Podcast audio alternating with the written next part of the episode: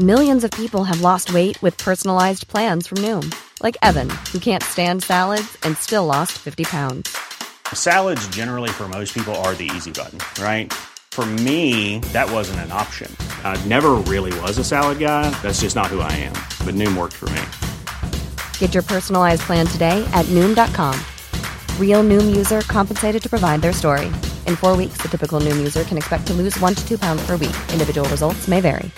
Hey, I'm Ryan Reynolds. At Mint Mobile, we like to do the opposite of what Big Wireless does. They charge you a lot, we charge you a little. So naturally, when they announced they'd be raising their prices due to inflation, we decided to deflate our prices due to not hating you.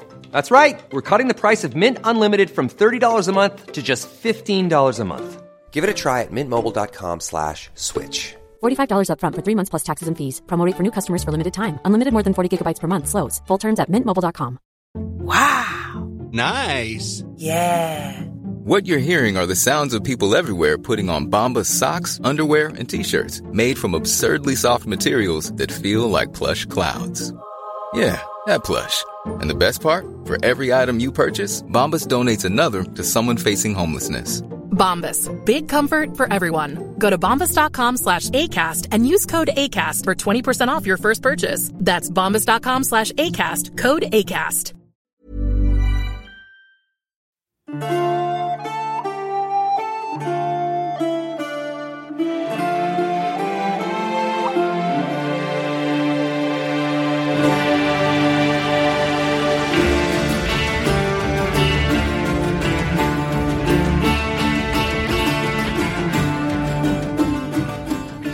til Mægtige Middelalder. En podcast, hvor middelalderforskere taler om den magiske, mystiske, mærkelige og frem for alt mægtige middelalder. En tusindårig periode, der er afgørende for Europas og Danmarks historie. Mit navn er Thomas Ebelholm, og når jeg ikke er vært på denne podcast, er jeg lektor i middelalderhistorie på Center for Medieval Literature på Syddansk Universitet. Velkommen til Mægtige Middelalder. Vi har ofte omtalt den berømte biskop Absalon her på podcasten, og øh, ham kender vi jo især uddødeliggjort af Saxo Grammaticus som en kriger, biskop og beskytter af Danmark mod de hedenske ventere.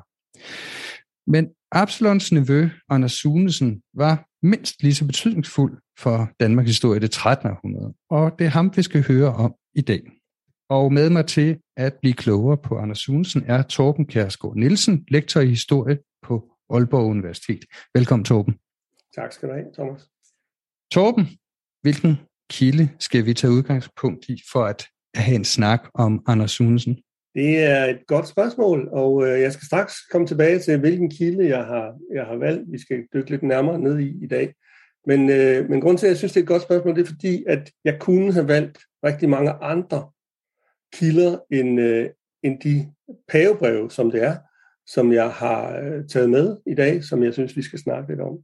Og det, det har jeg, jeg kunne have valgt en hel masse andre kilder, fordi netop, som du sagde i din, i din indledning, at, at Anders Sunesen er en så øh, enormt spændende øh, og, øh, og vidtfagende person, øh, som øh, udover at være ærkebiskop efter Absalon, som du sagde, så var han jo også øh, kongelig kansler. Han var øh, veluddannet, ligesom øh, Absalon havde, havde Anders Sunesen øh, studeret ved universiteter i udlandet, og ovenkøbet drevet sine studier noget videre, end, øh, end vi mener, at Absalon har gjort. Øh, Anders Sunesen er jo blandt andet også kendt fra Saxos Danmarks historie, som, øh, som Absalon gik hen og døde, før Saxo var færdig med sin, øh, med sin øh, Danmarks historie, som du udmærket ved, ikke? Og, øh, og så havde Saxo brug for en, en, øh, en anden at dedikere sit øh, kæmpe værk til, og den anden, det var jo efterfølgeren på posten, nemlig Anders Sunsen. Og her i, i fortalen til, til Saxos Danmarks historie, der kan vi jo læse en, en stor lovprisning af, af Anders i virkeligheden. Og det er herfra, vi ved, at, at Anders har studeret ved øh, universiteter i, øh, i udlandet. Vi regner med, at, øh, at han har været i Oxford. Øh, det bliver nævnt, at han har læst øh, jura i Italien, og det er så givetvis Bologna. Øh, og så har, han, øh, så har han læst teologi, eller de, de frie kunster, efterfulgt af teologi, øh, i, øh, på universitetet i Paris. Uh, og ikke nok med, at han faktisk har læst i øh, Paris som almindelig studerende. Han øh, beskriver Saxo jo. Han, han blev en dag så dygtig, så han, øh, så han kunne øh, opkaste sig som lektor, som øh, magister, som, øh, som havende sin egen lærestol i, i, i teologi. Øh, og det, det har altid, altså jeg har altid været meget fascineret, eller altid, det er noget pjat, men, men i løbet af min studietid blev jeg meget fascineret af Anders Sunesen, øh, fordi han netop øh, spændte så vidt.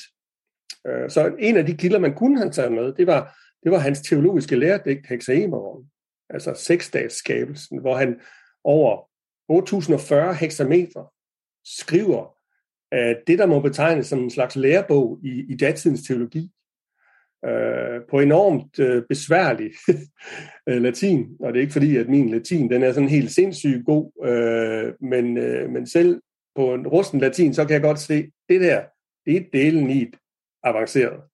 Øh, 8040 hexameter, ikke? og så skal de rime og være på vers, og jeg skal komme efter, og skal øh, og så samtidig få hele den teologiske, det teologiske grundlag ind i det. Øh, det er et kæmpe, øh, kæmpe bedrift. Derudover, så, som jeg sagde, så har han jo så været, været mere eller mindre uddannet som jurist også. Det har, man, det har været fornuftigt at have tæt på kongemagten i Danmark nogle øh, veluddannede øh, gejstlige, som, øh, som, kunne, øh, som kunne mere end fadervor. Øh, og, øh, og Anders' jurastudier, og det er nogle af dem, vi så ligesom prøver at, at dykke lidt ned i senere i dag. Øh, Anders' jurastudier, de har også været af, af betydning for, for kongemagten, fordi at øh, det var på det her tidspunkt også en, en øh, ofte forekommende ting, at, øh, at øh, ærkebiskopperne eller de højtstående gejstlige samtidig fungerede som kongelige kansler, og det gjorde Anders Sunsen også. Så øh, Sunsen har været højt begavet, stinkende rig. Øh, han tilhører jo, øh, øh hvad hedder det, Sunsen-slægten efter Ebbe Sunsen, øh, eller hans, hans far Sune Ebbesen, undskyld, Sune, Sune Ebbesen var en gigantisk stor øh, jordejer, jorddrot på Sjælland. Øh, jeg ved ikke, hvor mange bo øh, han, har, han har siddet på, men, øh, men det er ikke fordi, at Anders han har manglet øh, understøttelse til sine studier rundt omkring. Øh, det, er, det er han kunne gennemføre på første klasse, hvis han fik lidt hjælp hjemmefra, det er helt stensikkert. Øh, så det vi taler om her, det er en person, som, som tilhører den allerøverste top af, af det danske magtapparat, Øh, hans øh, bror Peder bliver, bliver Roskilde biskop. Øh, tre andre brødre gennemfører deres egen, øh, hvad skal vi kalde det, øh, Sunsen-brødrenes øh, udenrigspolitik, fordi at en af søstrene i den her kæmpe store børneflok gifter sig med den svenske konge, øh, som så bliver forstødt øh, af en, en, en, øh, en rivaliserende øh, tronprætendent i Sverige. Øh, og det får så tre af de her Sune-brødre til, at, Sunsen-brødre til at og øh, tage til Lena i Skåne, øh, for at prøve at se, om de med vold kan sikre søsterens øh, plads på den svenske trone som, som dronning. Det går galt jo. De får læsterlige pryl. Men bare det, at de her Sunesen-brødre er i stand til at gennemføre sådan noget, siger jo noget om, på hvilket niveau i samfundspyramiden vi, øh, vi er.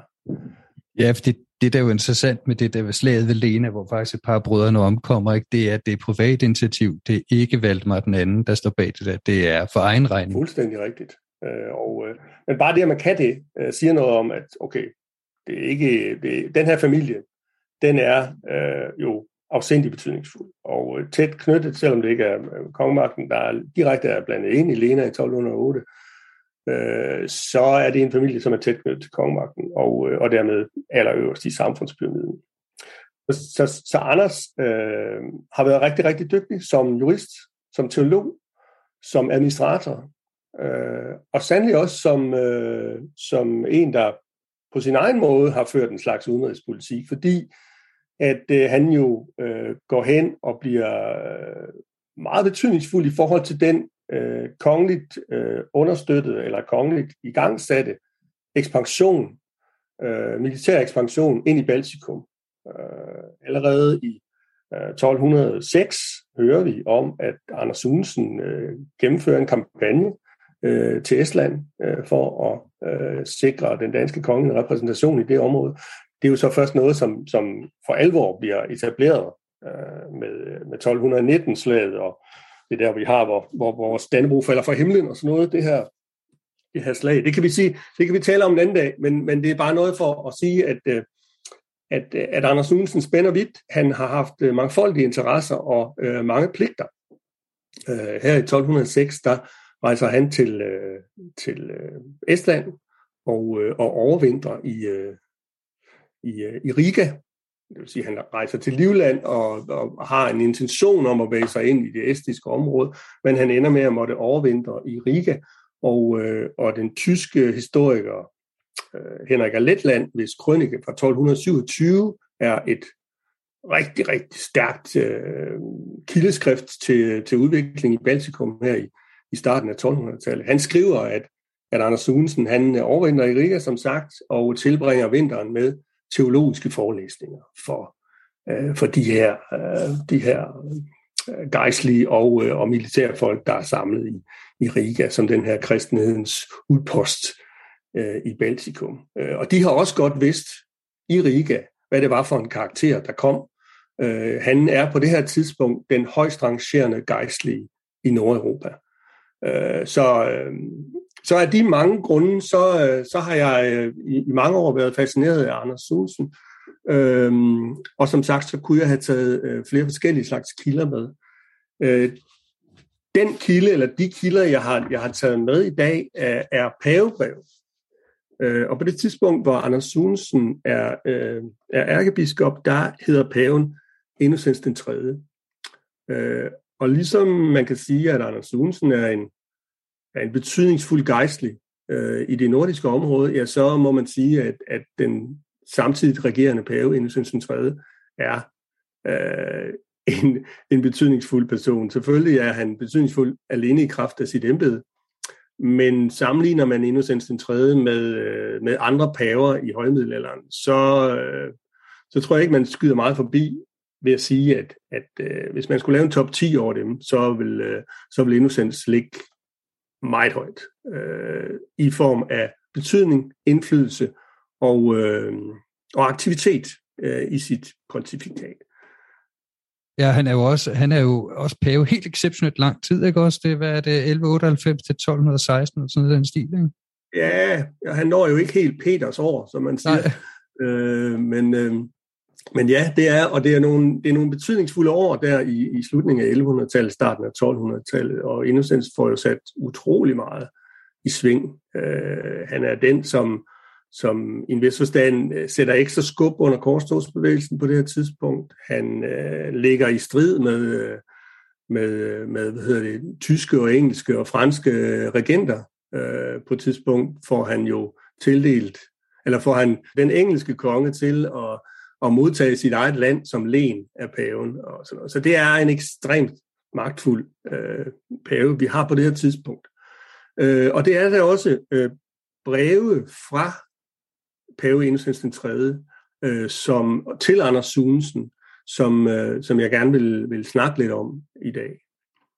Øh, og, øh, og der kan man jo sige, at de her pavebreve, som vi har samlet, øh, de pavebreve, som, som er sendt til danske adressater, er, er registreret og, øh, og hvad hedder det, tekstkritisk redigeret i, i den samling, der hedder Diplomatarium Danicum, og øh, er jo så meget venligt øh, blevet oversat til dansk i, i, i den tilsvarende serie, som så hedder Danmarks Riges Breve.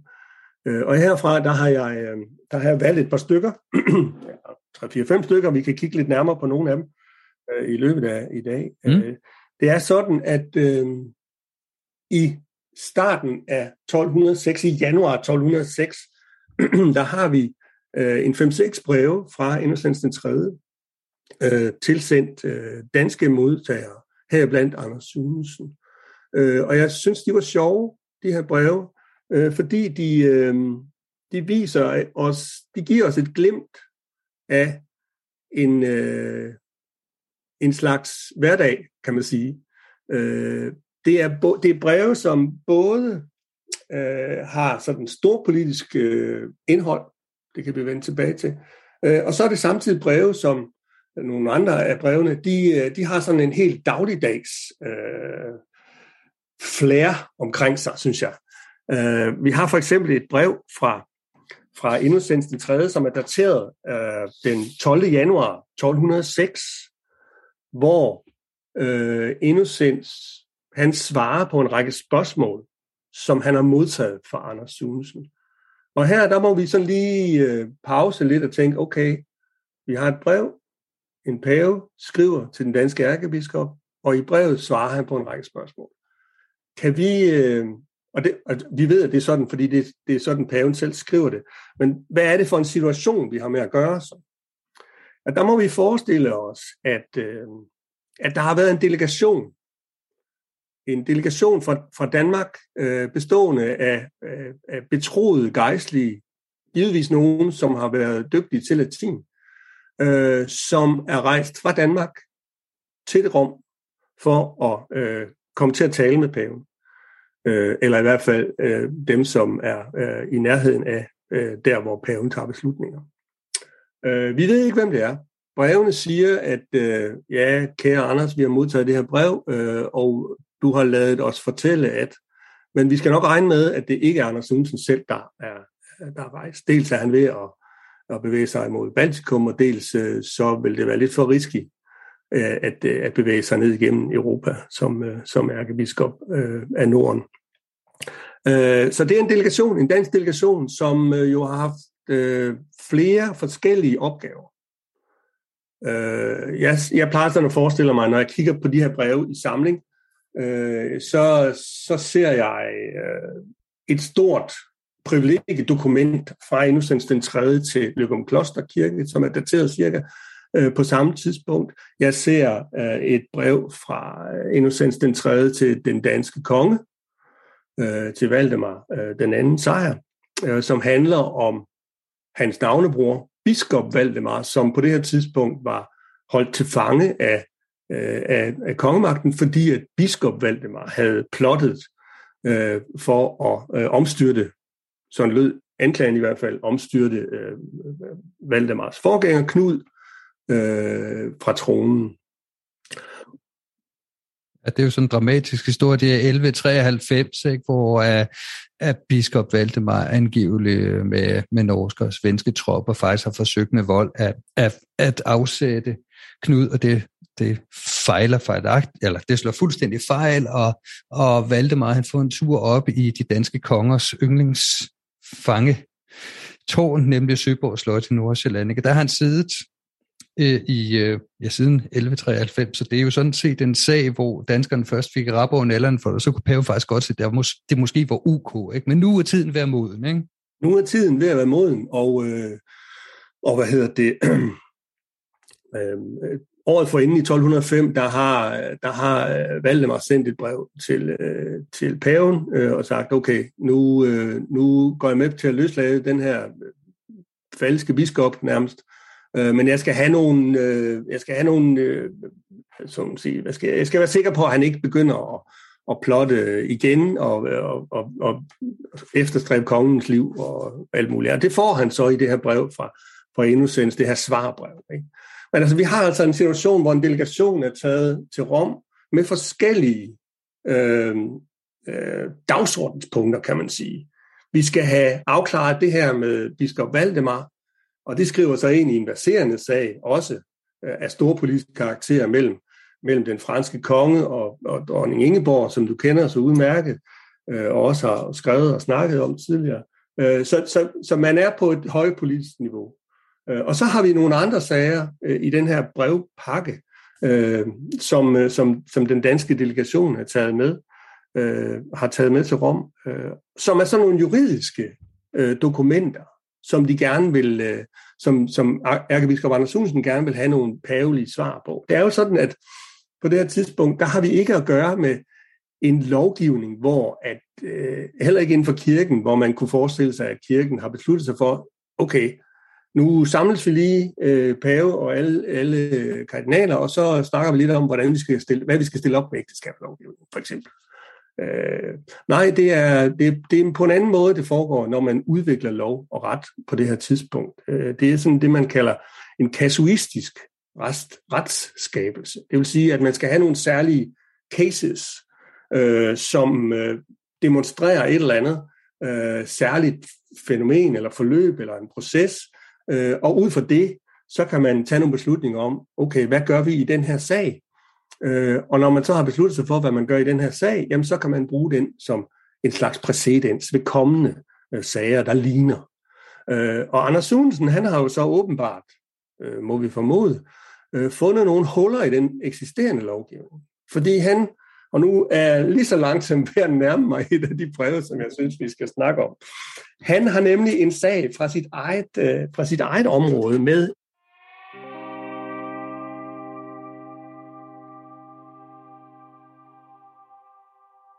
Han er blevet bekendt med en kvinde, hun har henvendt sig til ham, øh, og hun har taget det, man kalder enkeslør. Øh, og vi kan lige om lidt vende tilbage til, hvad det er. Det har hun gjort over for to abbeder, øh, og de har velsignet hendes, øh, hendes øh, handling her, det der med at tage enkesløret, og de har celebreret en messe, og det er gået øh, efter alle forskrifterne. Øh, og grunden til, at hun har taget enkesløret, Øh, og enkesløret, det betyder så her, at hun øh, agerer som om, at hun var blevet enke. Og derfor så vælger hun at gå i kloster, som om at hun var blevet enke. Men I kan godt høre på den måde, jeg, jeg snakker her, at, at der er ikke tale om, at hun er enke. Hun, øh, hun er faktisk kommet i den situation, at hun har lovet sig væk, eller er blevet lovet væk til en mand, en velbyrdig mand, som det bliver, øh, som det bliver øh, sagt øh, ved, ved, øh, ved mellemmænd og festegave.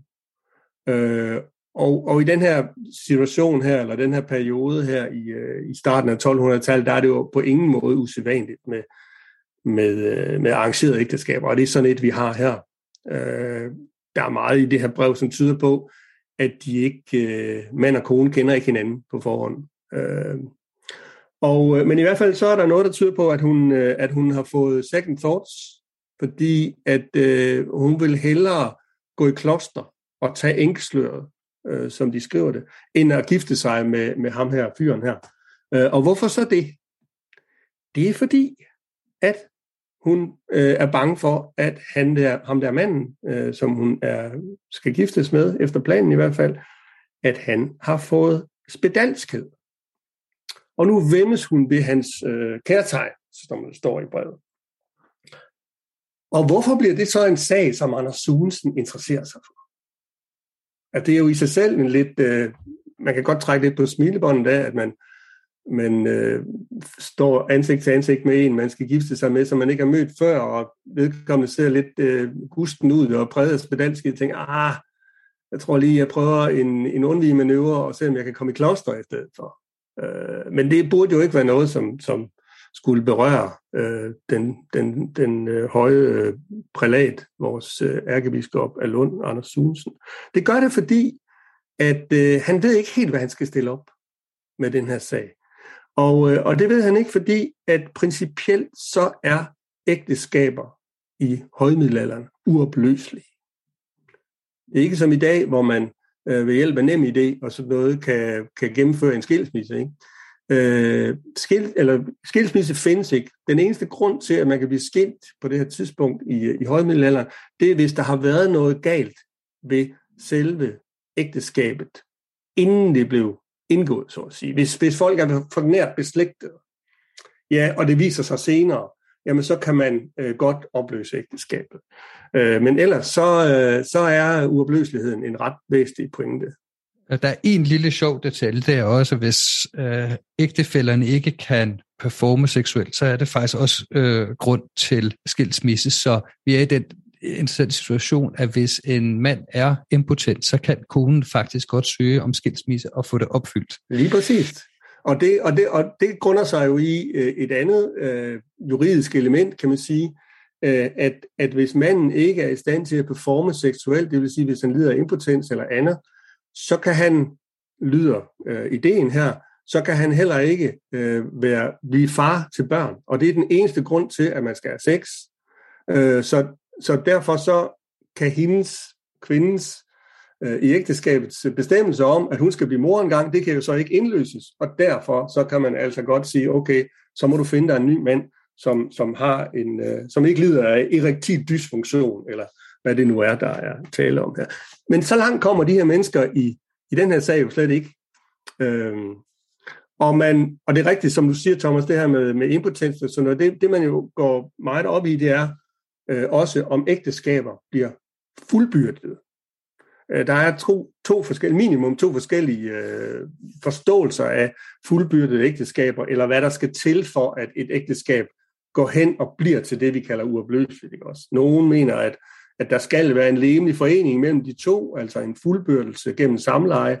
Andre øh, advokerer juridisk for, at øh, jamen, øh, det er faktisk nok at sige, at man har lovet sig væk. Og det er det, der er tale om her. Øh, kvinden og manden er blevet lovet hinanden, og, og vi ved begge to, hvordan at eden eller løftet i middelalder er jo et enormt stærkt juridisk bevis, øh, som man ikke bare kan se bort fra. Øh, og, og, og det gælder jo egentlig i alle menneskelige sammenhænge. Man skal kunne stole på, hvad folk de går og siger og lover hinanden og sådan noget. Ikke? Så, øh, så, så det vi har her, det er altså en kvinde, som øh, er kommet på bedre tanker, måske, øh, stillet over for mandens, øh, mandens øh, hvad hedder det, spedalskhed, og, øh, og hvad skal hun så gøre? Og Anders han har ikke vidst det, så han har spurgt den højeste juridiske autoritet, nemlig Innocens den 3. i Rom. Og Innocence på sin side, han siger, det kan vi ikke se i brevet, men det, det ved vi, fordi at hans beslutning kommer til at indgå i efterfølgende kanonisk ret. Han må have siddet i Rom og tænkt, det var godt nok et godt spørgsmål, det der. Det ved jeg ikke lige, men det må vi snakke med kloge folk om. Øh, og det har de så gjort, og de kommer så frem til den øh, måske lidt kedelige, kedelige øh, øh, hvad hedder det, forståelse af det her, at hun havde slet ikke behøvet at tage det enkeltslør.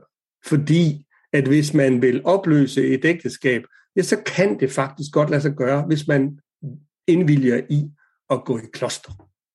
Så det at committe sig til en tilværelse resten af livet i et kloster, er faktisk et af de ekstremt få tilfælde, advokerer man for her, hvor et ægteskab kan opløses. Det står over det at sætte børn i verden åbenbart, at komme ind og tjene Gud i, øh, i et øh, kloster. Så øh, grunden til, at jeg synes, at, at det her det er sådan et lidt sjovt øh, brev, øh, det er fordi, det både har det der juridiske, en lille bitte nitpicky øh, detalje i, øh, i et stort juridisk kompleks. Vi taler ikke om er det nu øh, guldvelbehageligt at indgå ægteskab eller noget? Nej, det er, hvad sker der, hvis hun tager ængslør på et bestemt tidspunkt i den her proces? Det er sådan en helt vildt, øh, altså jo et, øh, et fagspørgsmål for, for juridiske nørder, kan man sige. Ikke? Øh, og det synes jeg er interessant, fordi det viser noget om, undskyld, det viser noget om både Innocens den 3. og øh, Anders Sundensens øh, juridiske begavelser, øh, og det viser, at øh, de ved, hvordan ny ret skabes, nemlig ved at, at gennemtæske sådan nogle små sager, sådan så at man finder frem til øh, den rigtige beslutning. Og så samtidig så har det jo det her element af, altså jeg kan godt forestille mig, at der har været en enke, som har haft store kvaler ved at skulle indgå i et lovformeligt ægteskab med en, med en person, en mand, som hvis, hvis fysiske fremståning hun slet ikke har kunne holde ud. Øhm, så på den måde, så kommer der noget menneskeligt ind i alt det der sådan ret tekniske, juridiske, øh, juridiske noget, øh, som jeg synes er... Det giver et lille indblik i øh, den måde, hvorpå at, at juridiske øh, beslutninger og, øh, og administrationer i, øh, i kirkelig praksis og sådan noget, har, øh, har udviklet sig her i, i starten af 1200-tallet, samtidig med, at det er et, et blik ind i en, en, jo en menneskelig problemstilling som er relativt sjældent, vi alligevel oplever i, øh, i, øh, i det kildemateriale, vi har til rådighed.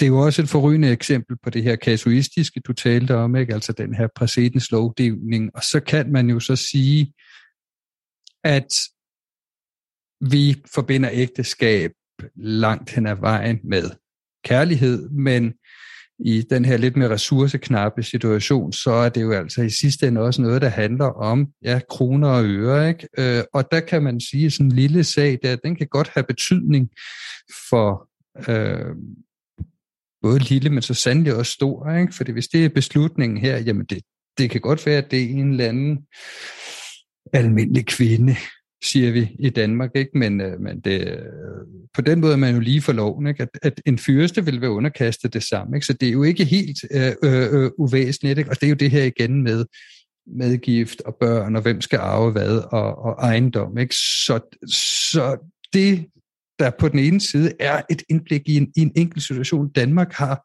vidt, eller kan have vidtrækkende konsekvenser øh, for alle i Europa i virkeligheden.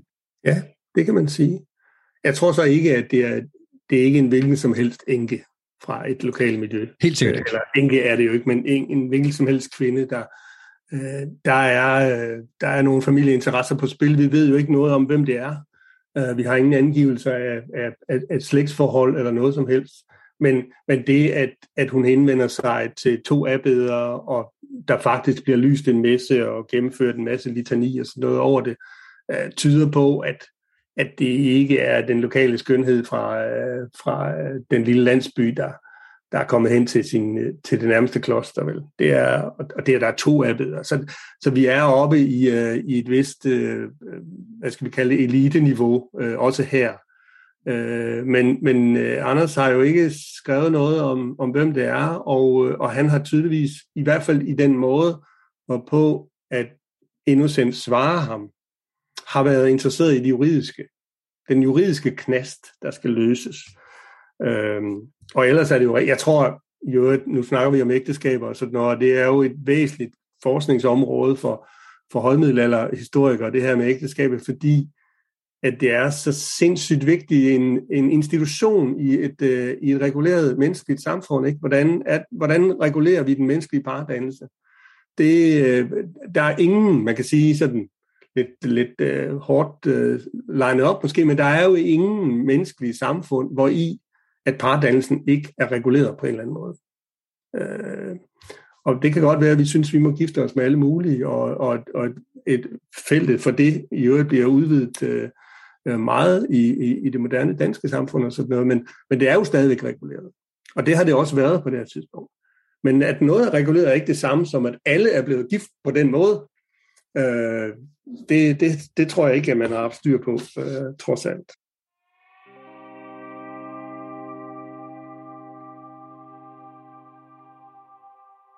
Man kan jo så sige, at der er jo øh, et, et socialt aspekt i det her, ikke? og de fleste, hvis ikke næsten alle af den her type breve, de, som du også siger korrekt, omhandler eliten. Øh, men du har alligevel andet dokument i din, din pakke, der omhandler tralle, og så kunne man jo forestille sig, at det omhandlede de her stakkels øh, slavegjorte, eller hvad vi nu skal kalde dem, ikke? Jo. Men er det det, der foregår? Ja, det er rigtig, rigtig svært ved at finde ud af, at finde ud af hvad, hvad der er på spil her. Det er så et andet brev, som du rigtig nok siger, Øh, et brev, hvor Innocens den 3. igen svarer på nogle spørgsmål, som han har fået øh, overleveret fra Anders Sunsen. Øhm, Anders har skrevet, og sikkert jo sendt sin skrift videre med den her delegation, vi snakkede om før. Øh, han har skrevet til Innocens, hvad han skal stille op med nogle øh, trælle, hedder det i den danske oversættelse. Øh, og når vi så har det ord trælle eller servi, så er vi inde i det sociale, som du siger, det sociale felt. Hvad er det? Hvilken grad af, af ufrihed er der tale om? Det ved vi ikke. Øh, i hvert fald, og vi kan, ikke, vi kan ikke finde ud af det på grundlag af det her brev. Jeg kan lige kort sige, hvad brevet handler om. Øh, det handler om, at der er, det er kommet Anders, og dermed så også Innocens den tredje for øre, at der er nogle trælle, øh, som har banket en gejstlig. Og når nogen slår på de gejstlige i højmiddelalderen, så er der en kirkelig lovgivning, som træder i kraft med det samme. Man er allerede dømt, når man har gennemført det første slag. Og den dom, man ifalder, når man har... Der skal ikke, vi skal ikke igennem en retssag. Øh, man er dømt moralsk. Øh, og, øh, og hvem er det, der kan, der kan afløse en for moralske dom? Jamen, det er, øh, det er kirken. Så man, det, der sker, når man, hvis man i fuldskab eller anden kommer til at banke den lokale sovnepræst, det er, at man, at man bliver de facto bandlyst. Øh, man er uden for, øh, for den frelse, som kirken kan tilbyde. Øh, og og man kan, man kan sige, at man er i en vis form for bad standing, ikke?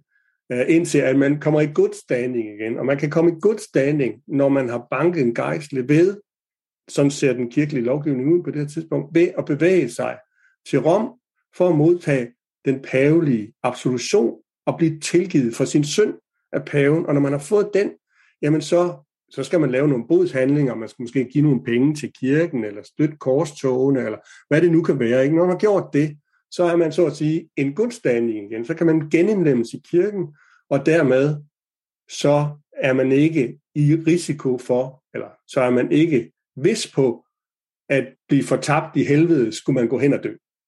Så det er ligesom den, så at sige, den religiøse økonomi, der er på spil her, at man er absolut øh, bandlyst, hvis man har lagt hånd på en gejstlig. Og derfor så skal man bevæge sig til Rom for at få tilgivelse. Nu har vi så de her servi, eller trællene i, øh, i, øh, i Anders Sunsens øh, omegn, som, øh, som har banket en gejstlig, og de vil så rigtig gerne til Rom. Kan vi forstå på det her brev.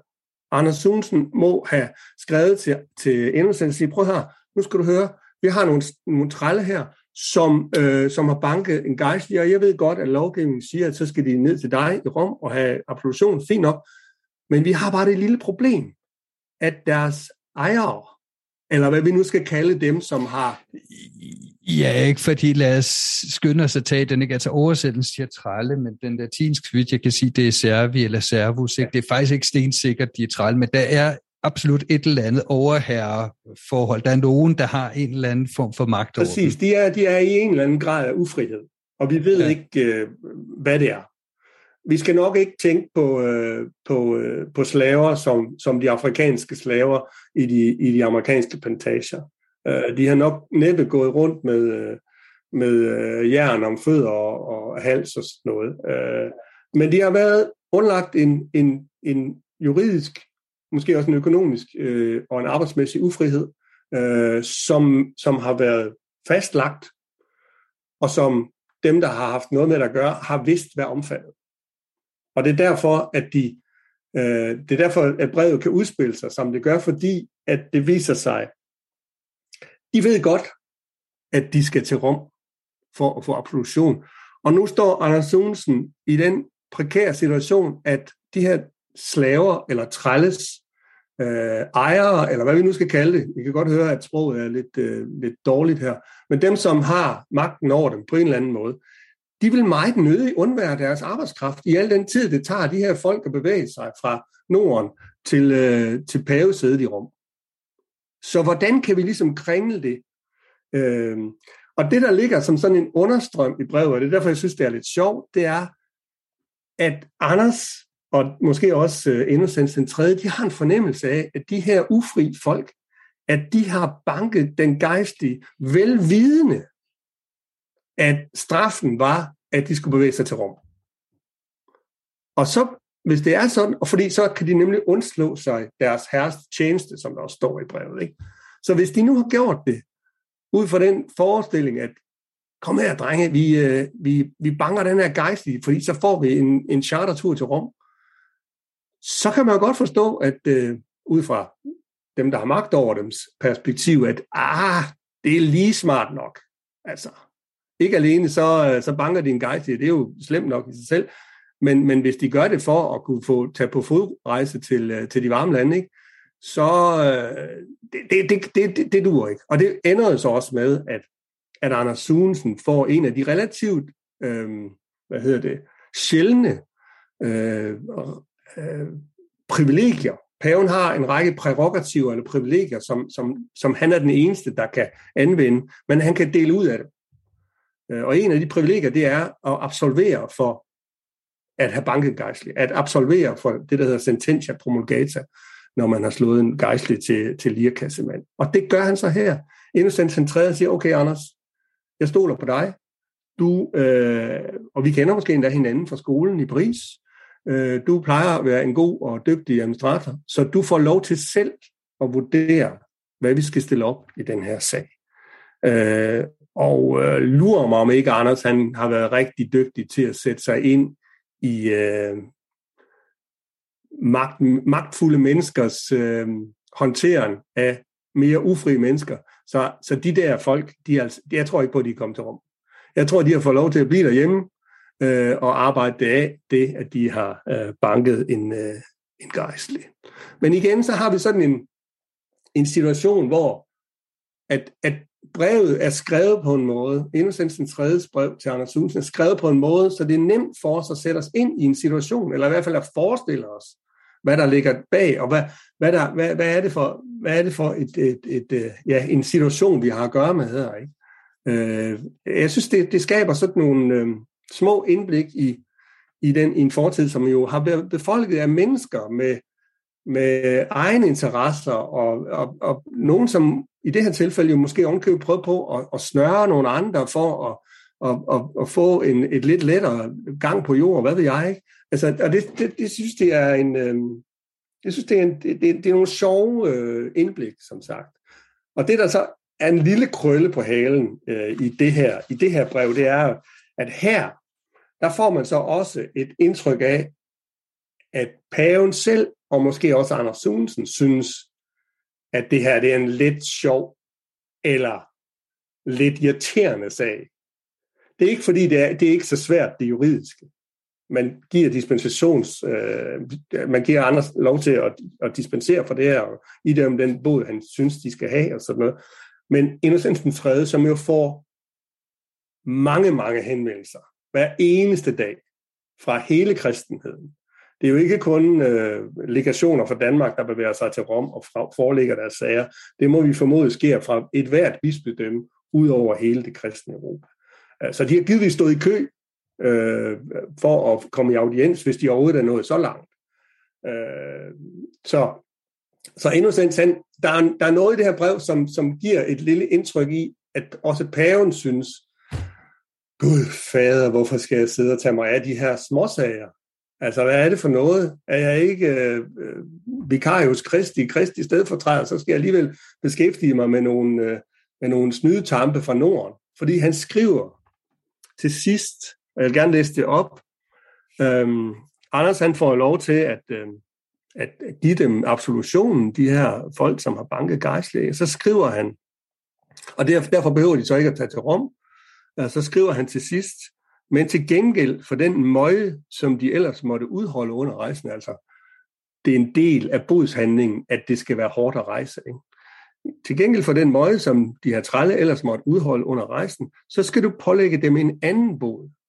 For så vidt som overtrædelsen ikke er så alvorlig og svær, det siger noget om, at paven ikke ved, hvor mange bank den her gejstlige har fået, Øh, for så vidt som overtrædelsen ikke er så alvorlig og svær, at nævnte trælle for at undgå at vække anstød og for ikke at fremhæve dette eksempel, alligevel bør drage til trællenes træl for fagløsning. Så det, der står her, det er, jeg ved ikke, hvor meget han har fået bank, ham der er den gejstlige, som vi snakker om, men hvis han har fået rigtig mange bank, så skal de alligevel til Rom.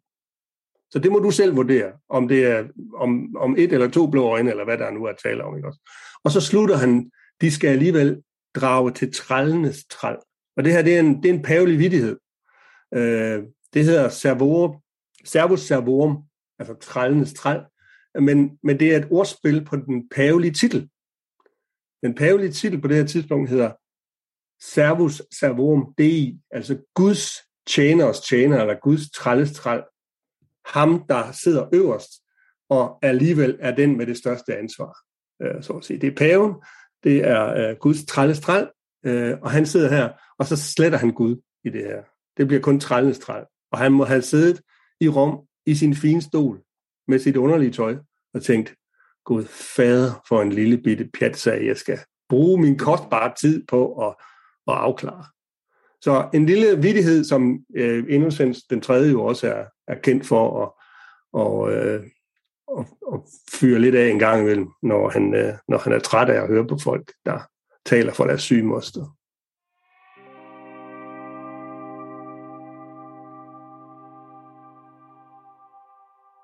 Når vi har fat i Anders, og det her du nævnte, at han måske har haft et nært eller personligt forhold til paven, det får mig jo til at spørge om to andre breve, der er i, i, i, i den her pakke i virkeligheden, som danskerne tager med ned til Rom. Ikke? At du, vi har øh, Pave Innocent, der giver øh, Anders Sunesen bemyndighed til at holde visitatser i, i, i, i Danmark, øh, og, og så får han også øh, lov til at træffe nogle beslutninger,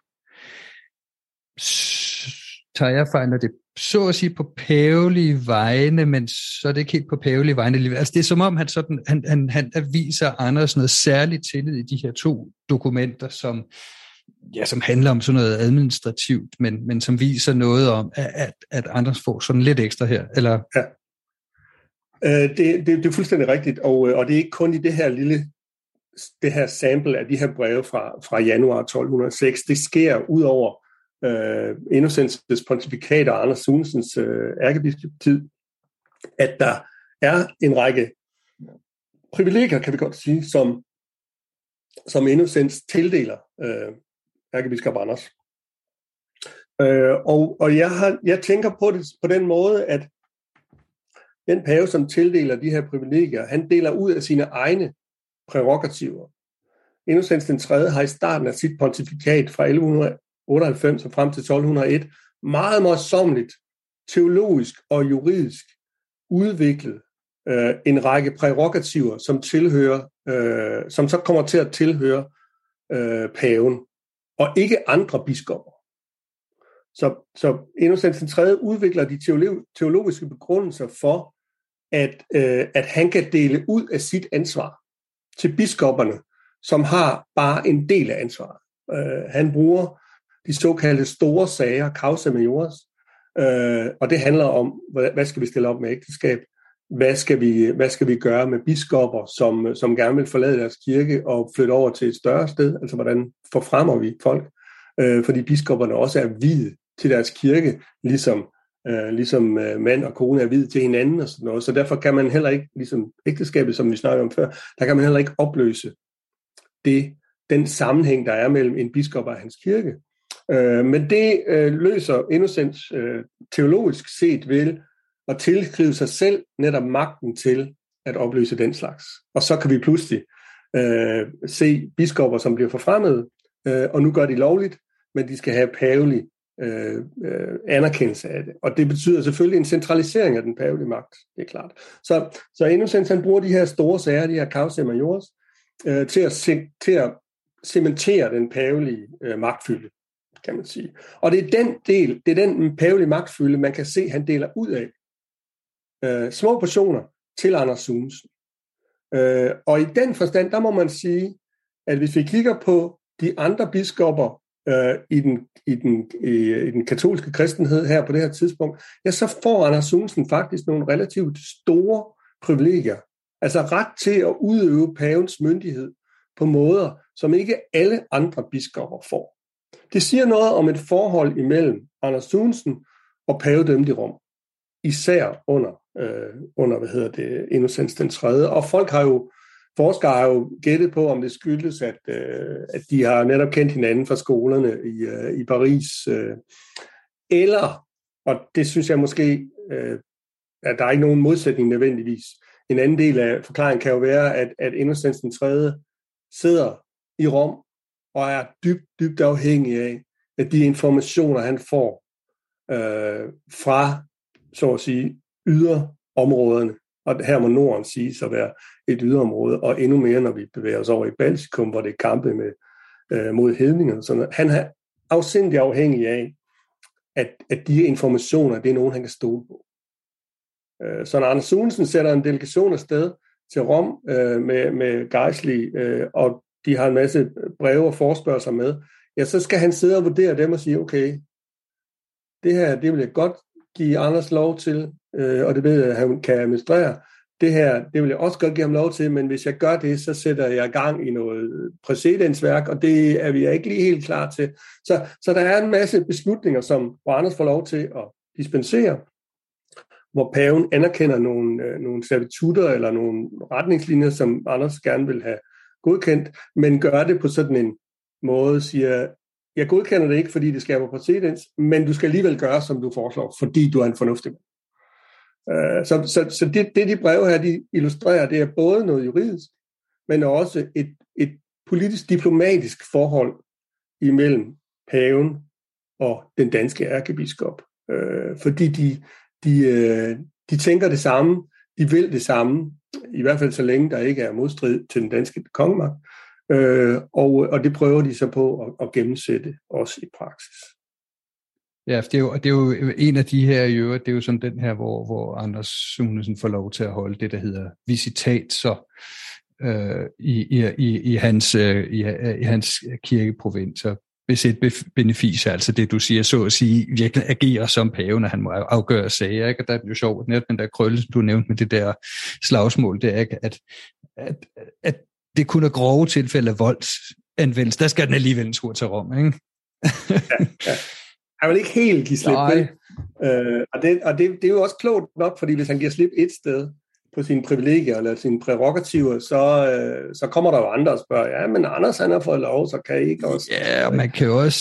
Man skal sådan lige... Øh... Ja, man kunne jo også være nervøs for, hvis han fik ja, næsten fuld hånd og halsret i Danmark, at han sammen med allieret, for eksempel den danske konge, kunne finde på at at misbruge magten mod, mod kongens fjender. Det er jo sådan noget, der, der er en debat, der foregår blandt, blandt os middelalderhistorikere, det er, hvorvidt Valdemar den første, han, øh, han var en, en, en, en meget, meget hård konge, der virkelig gik til den over for sine fjender, eller om det var politisk nødvendighed. Og ja, det kan man høre i min diskussion med Lars Kjær på podcasten, hvad vi synes om det.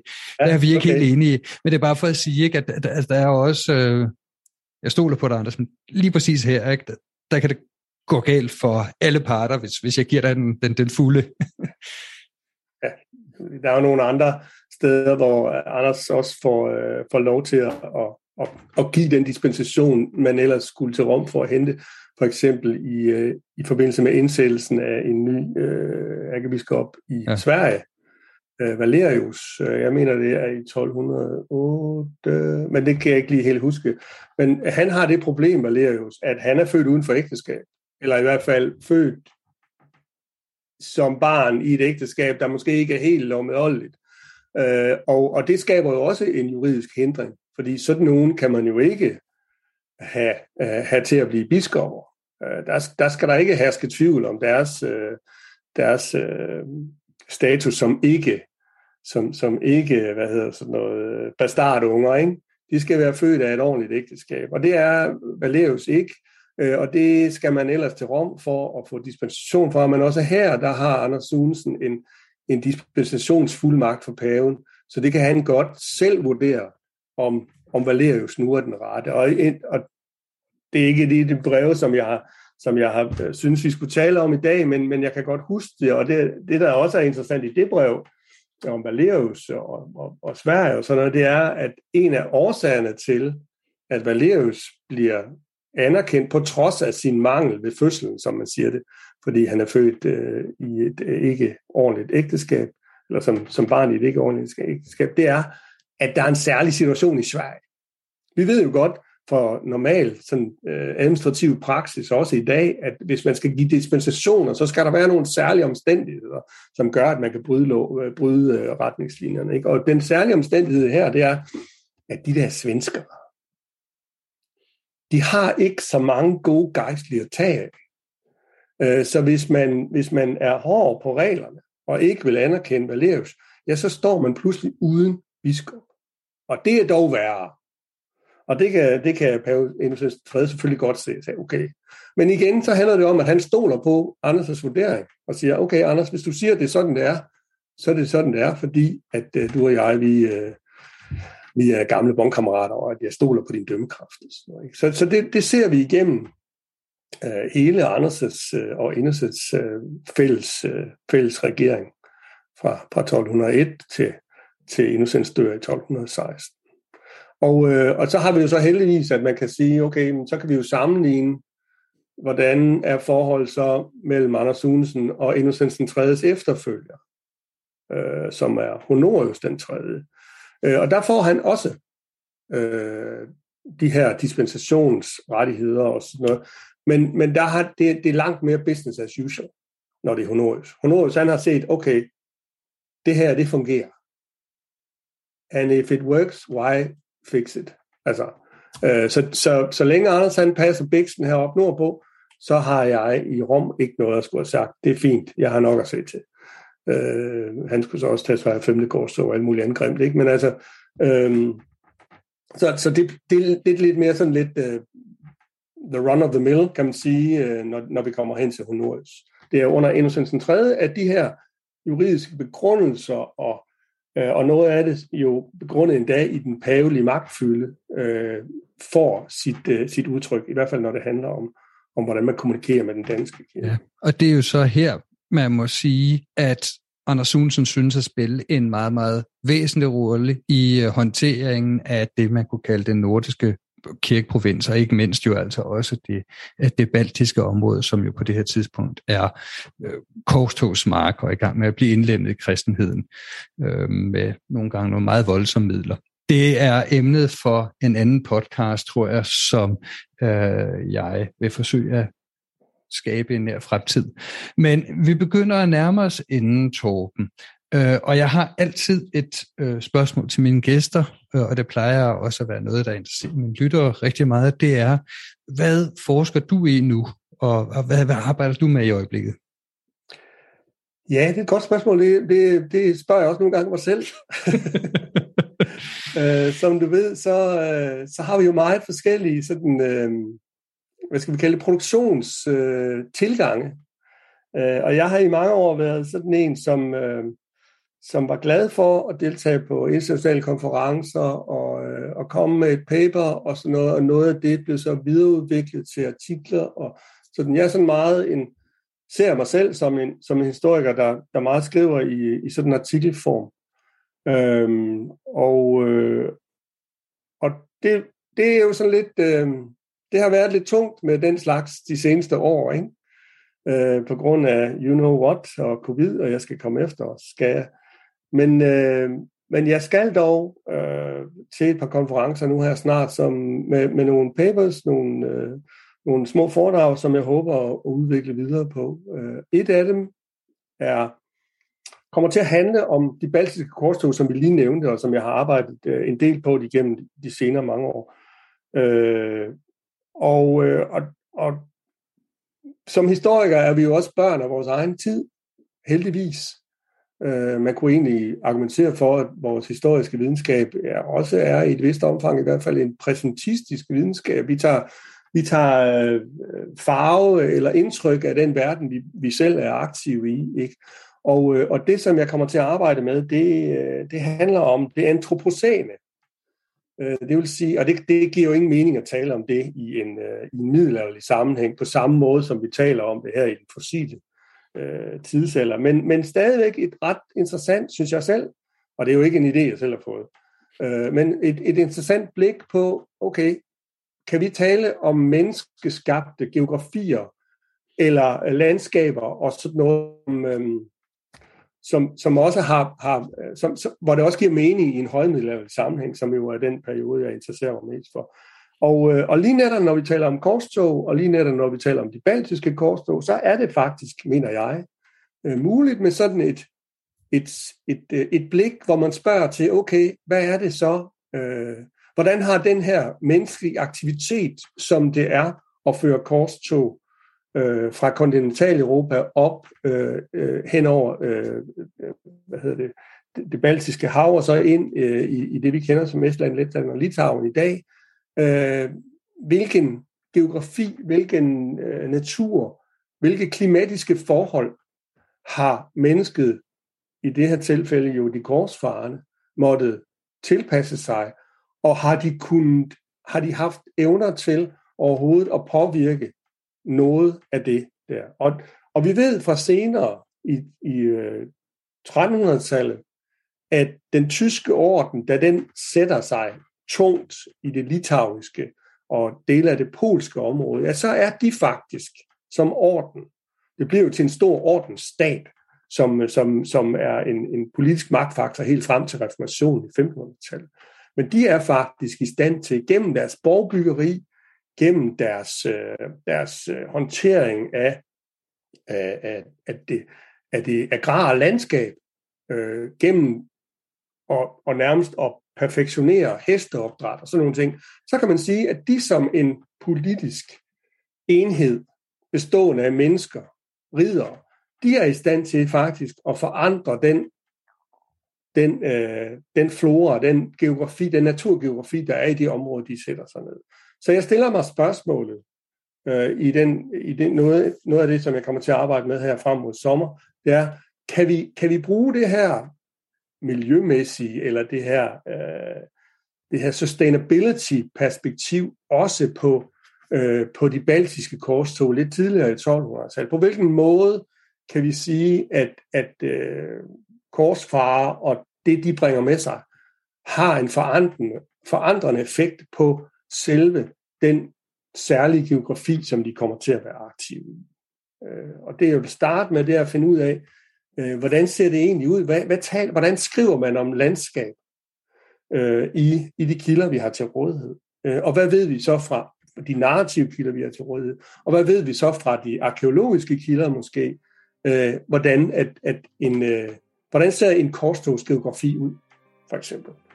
Øh, og hvordan ser en mental korstogsgeografi ud? øh, i, øh, i den her sammenhæng. Så det er noget af det, jeg vil prøve at, øh, at, øh, at blive lidt klogere på øh, i den kommende tid.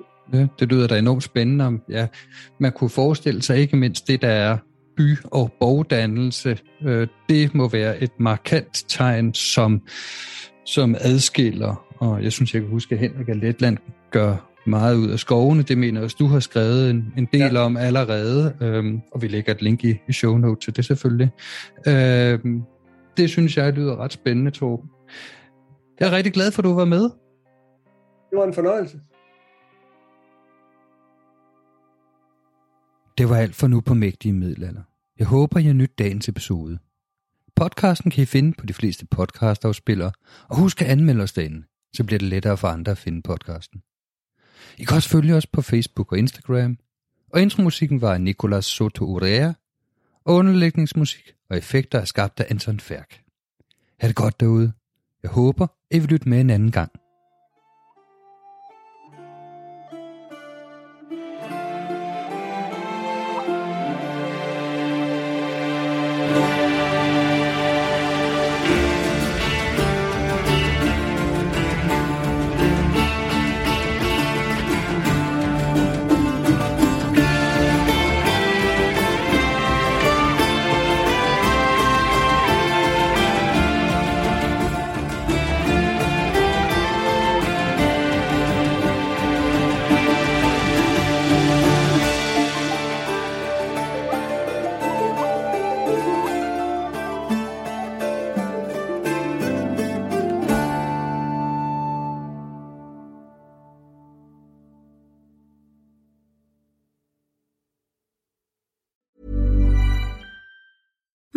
Deserves the best, and there's no better place to shop for Mother's Day than Whole Foods Market. They're your destination for unbeatable savings, from premium gifts to show-stopping flowers and irresistible desserts. Start by saving 33% with Prime on all body care and candles. Then get a 15-stem bunch of tulips for just $9.99 each with Prime. Round out Mom's menu with festive rosé, irresistible berry chantilly cake, and more special treats. Come celebrate Mother's Day at Whole Foods Market. Planning for your next trip?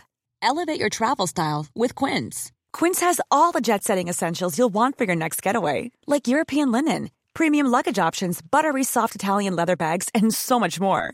And is all priced at 50 to 80% less than similar brands. Plus, Quince only works with factories that use safe and ethical manufacturing practices.